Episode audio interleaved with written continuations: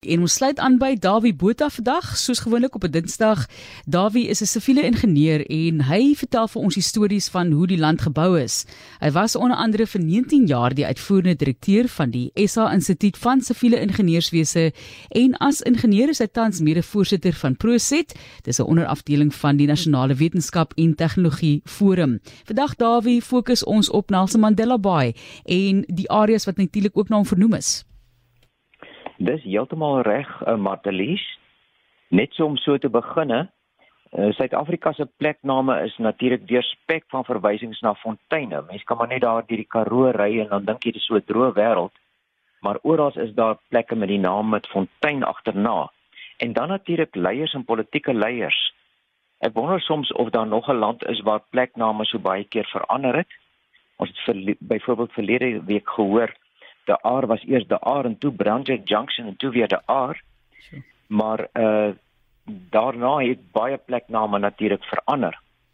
En ek het dalk gekla ingenieurs word maar baie selde vernoem, maar ja, ons werke hou daarom stand.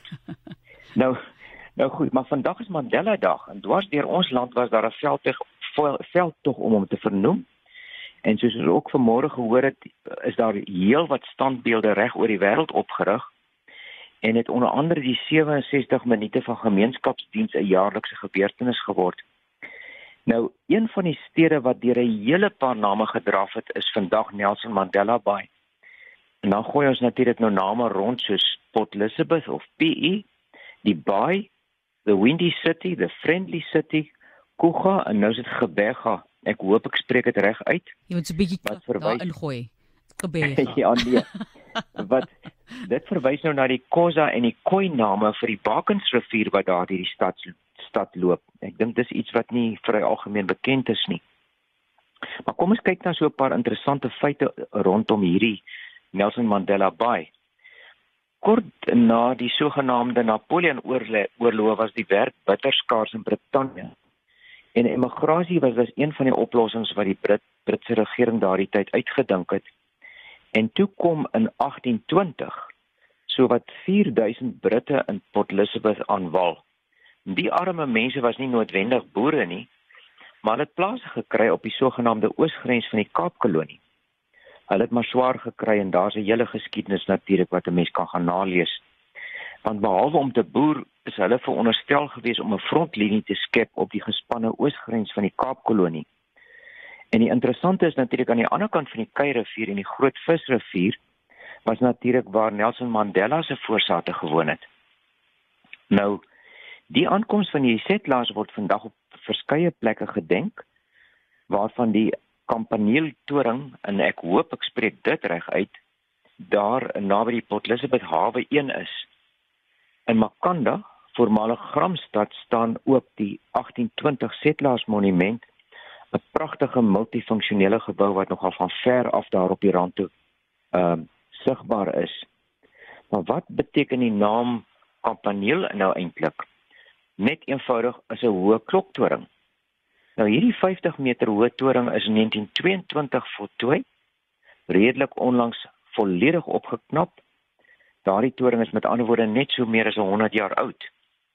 Maar om daar bo uit te kom met die uitsigte dan oor die hawe onder andere, moet jy so 203 tap trappies klim. Sjoe.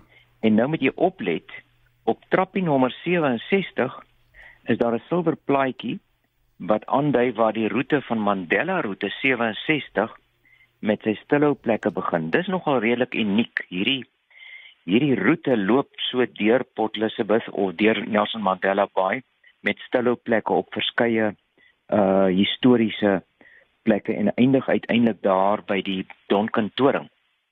Ek sal net so 'n bietjie later meer daaroor sê. Nou hierdie toring is uh nogal uniek in die sin dat daar 'n horlosie in uh klok bo in die toring en dan's daar nog 23 klokke in wat wat in Frans bekend is as 'n carillon. Ek is nie seker wat 'n mens dit in Afrikaans noem nie.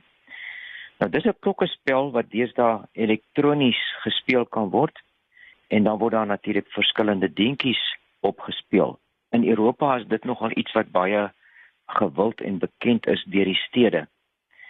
En dan hierdie klokkespele daar word gewoonlik gespeel met die behulp van 'n stel klawers wat so 'n bietjie lyk soos lyk soos 'n meganiese klavier. Maar nou ja, en net so terloops, die naam van iemand wat 'n klokkespel kan speel is 'n byaardier. Is 'n interessante woord wat ook nie vry algemeen vandag bekend is nie. Nou hierdie hawe waar die 1820 settlers geland het, is vandag die grootste uitvoerder van mangaan al die pad daar van Kathu, Hotazel en Sishen se kant af. Nou Suid-Afrika is die grootste uitvoerder in die wêreld en dis soveel 30% van die wêreld se mangaan. En dan wonder mense nou maar wat is die die doel van mangaan? Nou dis 'n baie belangrike onderdeel vir die vervaardiging van onderre staal, aluminium en ook ook selfs glasiere. En dan is daardie hawe ook bekend vir die invoer en uitvoer van motorvoertuie, want die stad is natuurlik een die plek waar 'n hele paar groot motorvervaardigers uh gesetel is.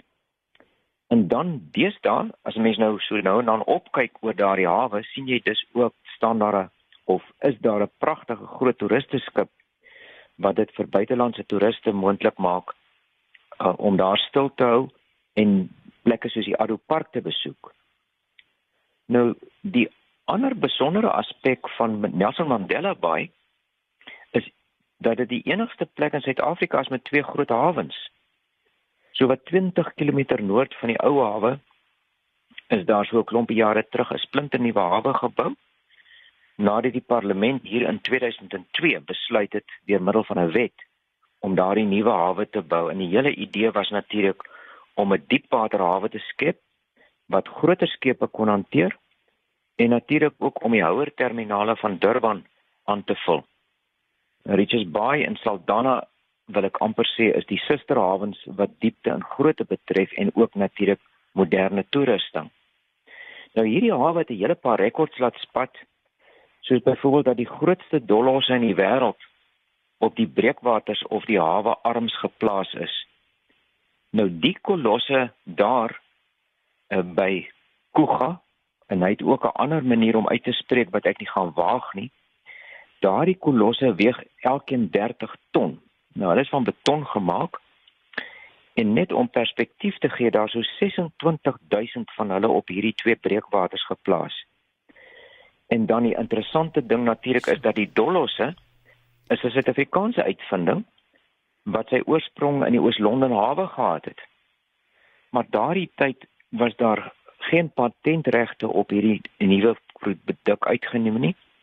En vandag word hierdie produk in allerlei vorms dwars oor die wêreld gebruik, verskillende modelle wat wat maar dieselfde beginsel het. En die geheim van die ontwerp van ons eie dollos is dat dit twee stelle arms het as ek mens nou so kan stel wat 90 grade op op uh, mekaar staan.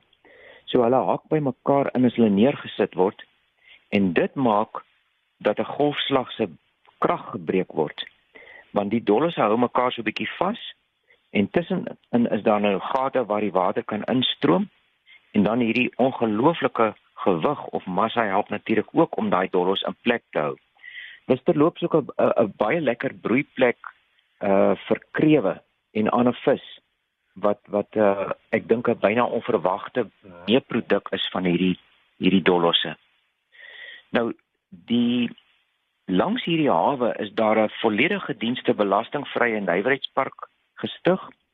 Met ander woorde, al die dienste is daar en die idee was om buitelandse vervaardigers te lok om via die hawe die roumateriaal in te materiale in te voer en dan die produkte te vervaardig en dan weer uit te voer sonder om noodwendig Suid-Afrikaanse belasting te betaal.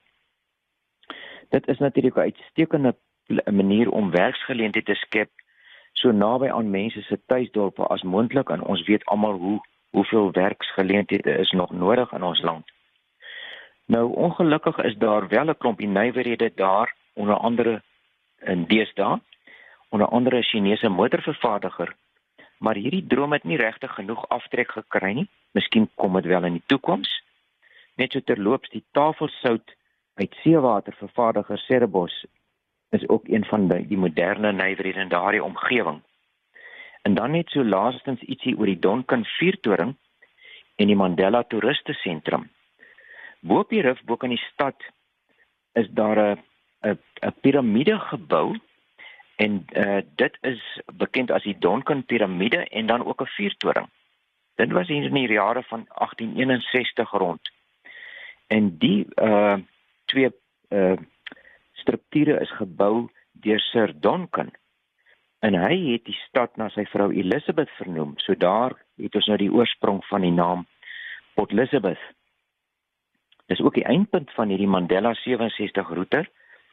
En dis 'n baie unieke uh idee wat my betref.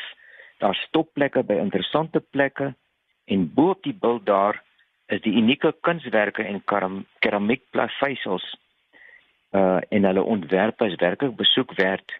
Ek het nogal geniet om daar rond te stap en dis 'n fotogeleentheid wat hom nie sommer op elke ander plek herhaal nie. Maar ja, mense kan vir baie lank oor hierdie stad met die baie name praat. En nou het ons nie eers geraak aan die stadsaal en die unieke veemarksaal met sy pragtige orgel nie.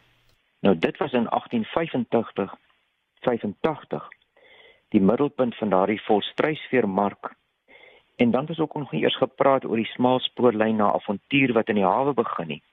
Helaas is laages laas genoemde ook nou 'n onbreek, so ons wag vir entrepreneur daar en so nog 'n stukkie unieke infrastruktuur en groot toeriste aantrekking het 'n bietjie daar gesneuwel. So Nelson Mandela Bay is werklik 'n stad wat gerus besoek kan word en vergeet dat 'n mens sommer net daardie stad en sy omgewing in 'n dag kan kafdraf.